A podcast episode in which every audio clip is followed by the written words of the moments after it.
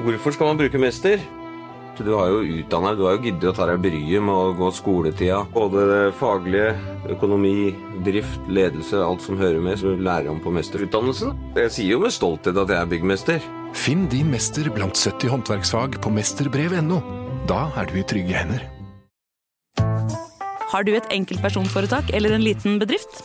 Da har nok Eller vent, sa du nei? Du vet at fiken også gjør det enkelt å starte din egen bedrift? Fiken superenkelt regnskap. Ja, og hjelp til å starte egen bedrift, da. Kan kundene dine betale slik de ønsker? Med betalingsløsninger fra Svea øker du sannsynligheten for at kundene fullfører et kjøp, fordi de finner sitt foretrukne betalingsvalg. Svea vår jobb, din betalingsløsning. Enklere, raskere. Velkommen til Ukraina-podden, en podkast fra Nettavisen. Jeg heter Tormod Malvin Sæther og er journalist og programleder.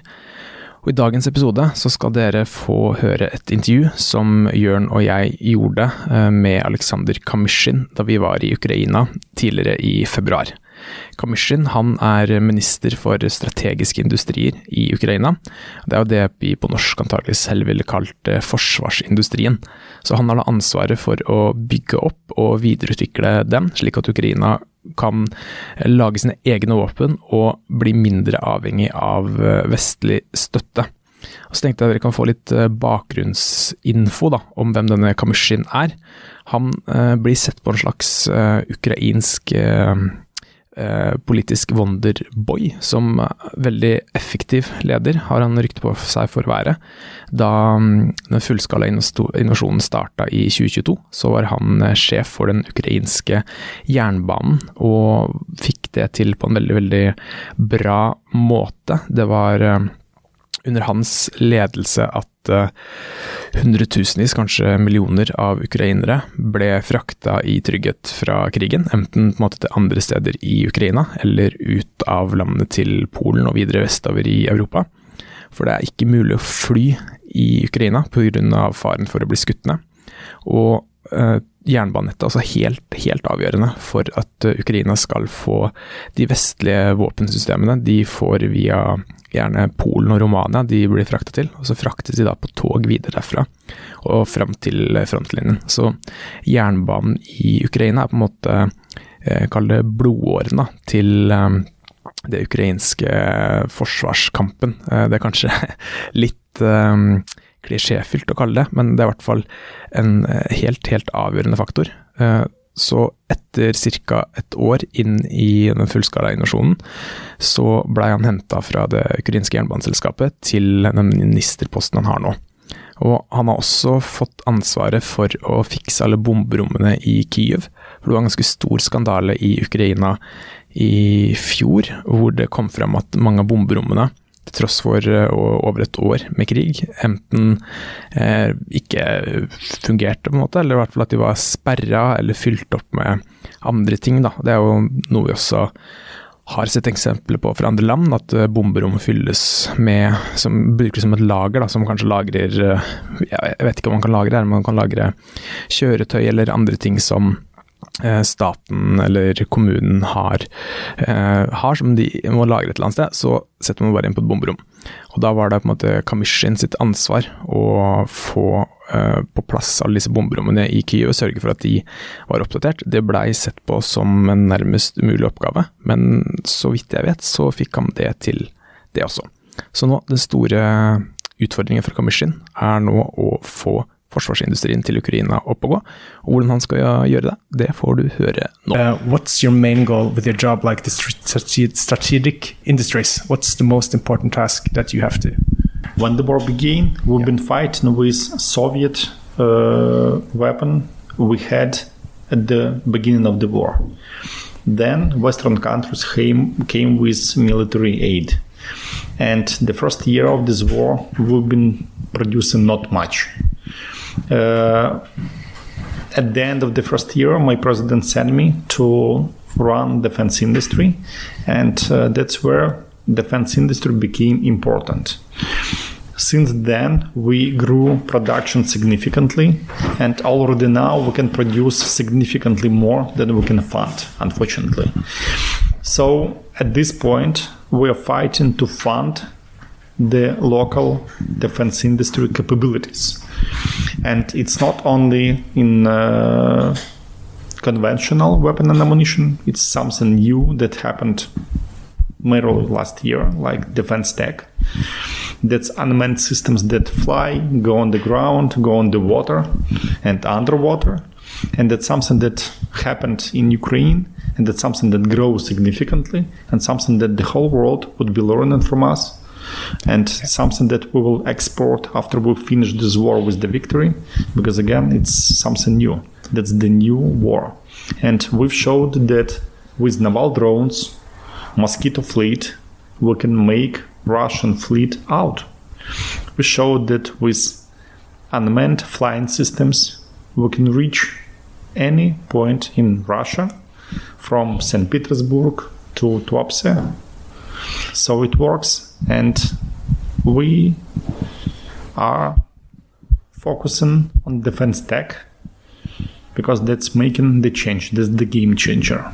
Yeah, and uh, I think uh, the last, the former uh, Minister of Defense, Mr. Reznikov, I think he had like a presentation of different new, uh, uh, for example, naval drones last year around May, April, and then he promised the Russians a surprise. And a couple of weeks later, it was a big explosion uh, on the Kerch bridge.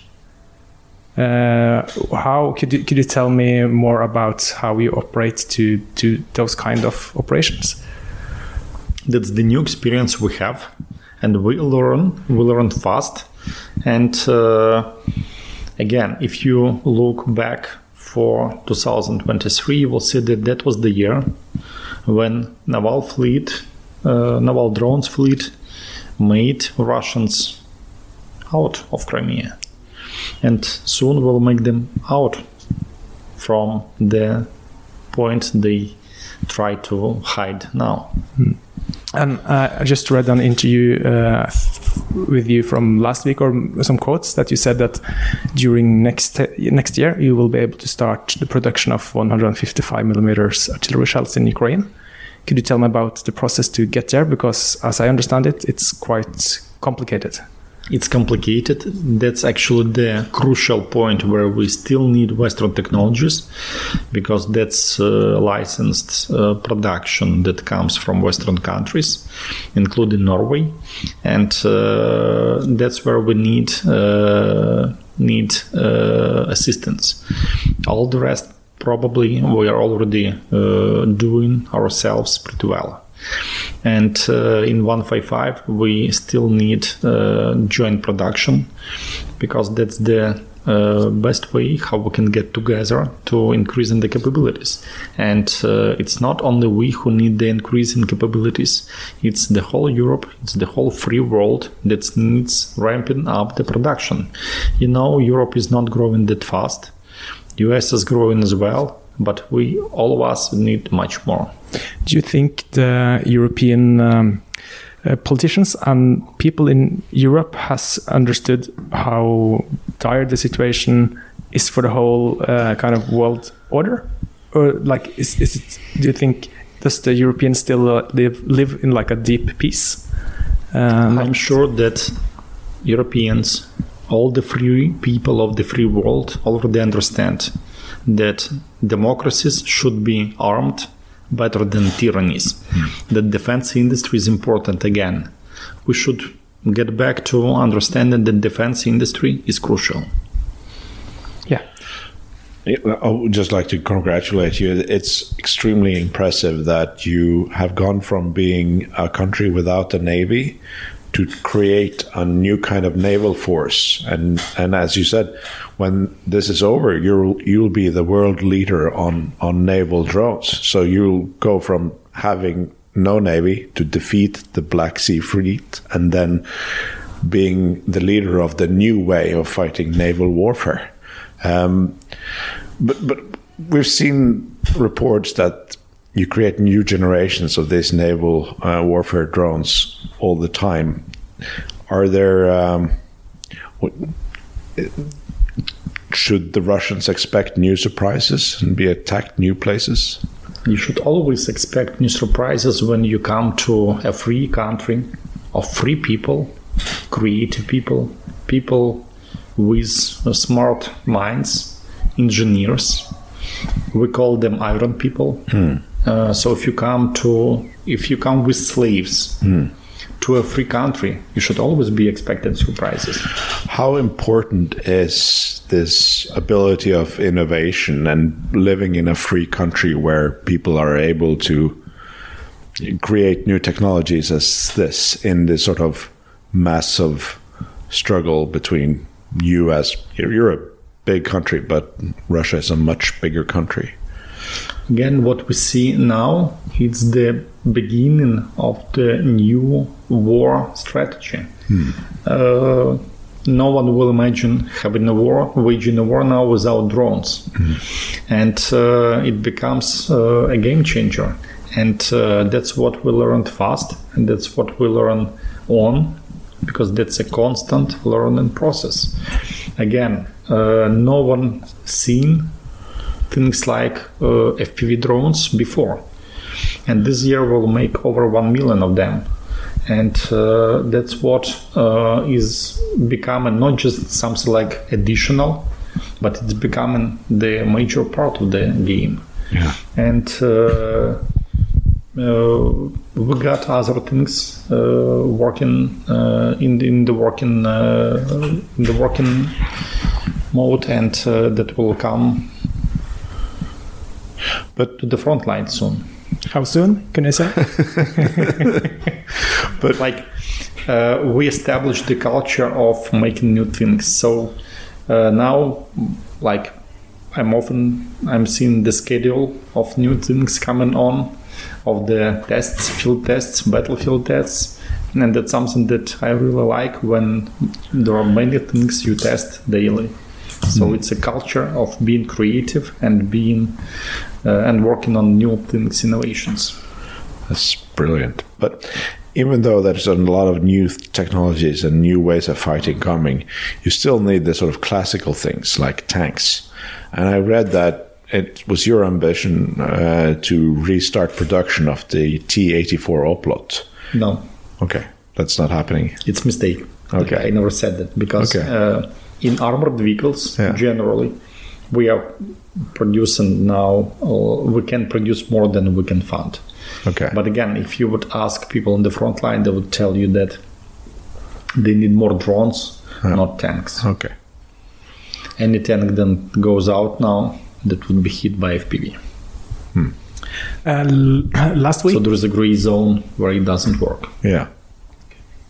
last week, your deputy defense minister was in Norway to talk with the um, defense industry there, uh, and he said to me that you're wanting Norwegian companies to come to Ukraine and start producing um, defense capabilities here. Uh, could you tell me why that's important for you?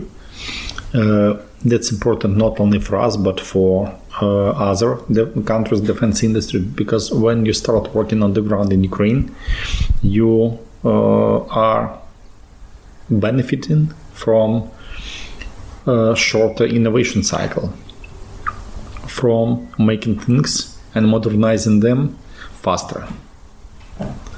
And how was the trip to Norway? You know, was it um, were were you happy after it? Like, did you I make some progress? it was a successful trip. I heard he brought the idea to uh, Norwegian defense industry, and I'm sure that uh, we will do more together. Yeah, and also uh, I think uh, after the war, Ukraine will have a huge um, defense uh, industry uh, that uh, will still be there. And could you tell me, like, do you have any plans for how you will use that after the war? Like, I guess it would be an important part of building up your economy and the country again. Definitely, and I would believe it would be fair if we would share back uh, those things that we learned how to produce here that works uh, with other countries, uh, building up joint capabilities, joint defense capabilities. And uh, I'm sure the defense industry would be the key, the largest, and the main strategic export product for Ukraine. Yeah. Uh, we've been building ourselves as agricultural country, as the breadbasket for Europe for decades. And we, we were quite good in that. We got efficient agriculture, we got efficient agricultural logistics, and uh, every Ukrainian would have a friend who was doing farming. I was doing myself. Uh, now you would have a Ukrainian, a friend who would be doing uh, defense tech, defense industry. And now we are building ourselves as the arsenal, the arsenal of the free world. Because again, uh, we have to be armed good enough to let Russians go out of my country. And I guess there there will be a lot of customers for that industry uh, as well, because we see that there's a lot of countries around the world that has stopped or cancelled orders of Russian weapons because they see that uh, the Russian weapons doesn't work very well uh, in this war, and maybe they will. They will change their supplier and, and uh, order weapons from you afterwards. We would be happy to work together with Western countries on taking over Russian share of uh, defense uh, industry exports globally, and uh, I'm sure that uh, our joint products would be a good substitute. Yeah, and uh, you pushed the Russians very far back in the in the um, Black Sea. Do you think they will still be present in a year? In In a year, like uh, how do you see the development for the next year? Like you pushed them really far back, and you put them. it's not it's not the end. Excuse me. We're working on that. Still working on that. It's not. It's coming. It's not the finish yet. Yeah, so we'll see more uh, um, more action in the Black Sea in the coming uh, Definitely. time. Yeah, uh, and is there any place in the Black Sea that will be safe for Russia the next Yes. year? Yeah. The Bottom. Okay. So yeah, that's a fair answer. that's the fair place for them. yeah. Um, I think. Do you have any? do you um, let's say and this is just a theory that um, in the future there will be no bl- uh, Russian Black Sea fleet will other parts of their fleet like the Baltic fleet or the Northern fleet or the Pacific fleet will any of them be under threat from you I don't comment it. Uh, it's, it's not my domain. It's a fair question, but this is has become kind of the arm of the drones, and the drones are really crucial in this war, both in, as you said, in the sea and air. But what's uh, what's the next step? Like, what's the next big thing you think in the drone uh, war? Do you have any ideas? This year that? would be a year of challenge how to use it. Yeah. Now we can produce enough. So that would be the year of efficient usage of that. because today we met a drone company here in Kiev that uh, had like a lock and load system that the drone could lock on a vehicle driving like 60 kilometers an hour and hit it. And that's, I think, like developments like that is Yeah. So again, the point would be in efficient usage of those systems. yeah. Det ble en eh, ganske brå avslutning da, på intervjuet, da telefonen til Kamysjin eh, ringte. Eh, Han er en travel mann og måtte haste videre i neste møte. Men vi håper at dere syns det her var interessant, og Jørn og jeg vi er tilbake neste uke med helt ferske episoder og rapporter fra frontlinjen i Ukraina. Takk for at du lytta. Husk å følge oss på den plattformen du lytter til podkast på. Anbefale oss gjerne til en venn, og hvis du lytter til på oss på f.eks. på Spotify, så legg gjerne igjen en tilbakemelding nå på slutten av episoden. Så ja, hvis du har et eller annet du vil si til oss, eller send oss en mail på ukrainapodden krøllalfa. Er det enkelt nok for kundene dine å betale? Med betalingsløsninger fra Svea kan du tilby samme fleksible løsning på nett og i fysisk butikk. Svea vår jobb, din betalingsløsning. Enklere, raskere. Nå fyrer Kiwi opp grillen med billig sommer- og grillmat. Hva med nyheten Ultimate Burger, Big Juicy eller Big Beef Burger som fikk terningkast 6 i VG? Før 64,90. Nå ny lav pris, kun 59,90 for to ganger 180 gram. Vi har også sunnere burgere av fisk, svin eller kylling til kun 39,90 per pakke. Crispy salater og alt det digge tilbehøret. Utvalget er stort, og prisene, ja, de er alltid lave. Hos Kiwi. Halv pris på Domino's pizza? Ja, i dag er det Crazy Tuesday og halv pris på alle medium pizza hos Domino's. Det stemmer. Halv pris på pizza hver tirsdag. Bestill på dominos.no eller i appen. Crazy Tuesday hver tirsdag hos Dominos.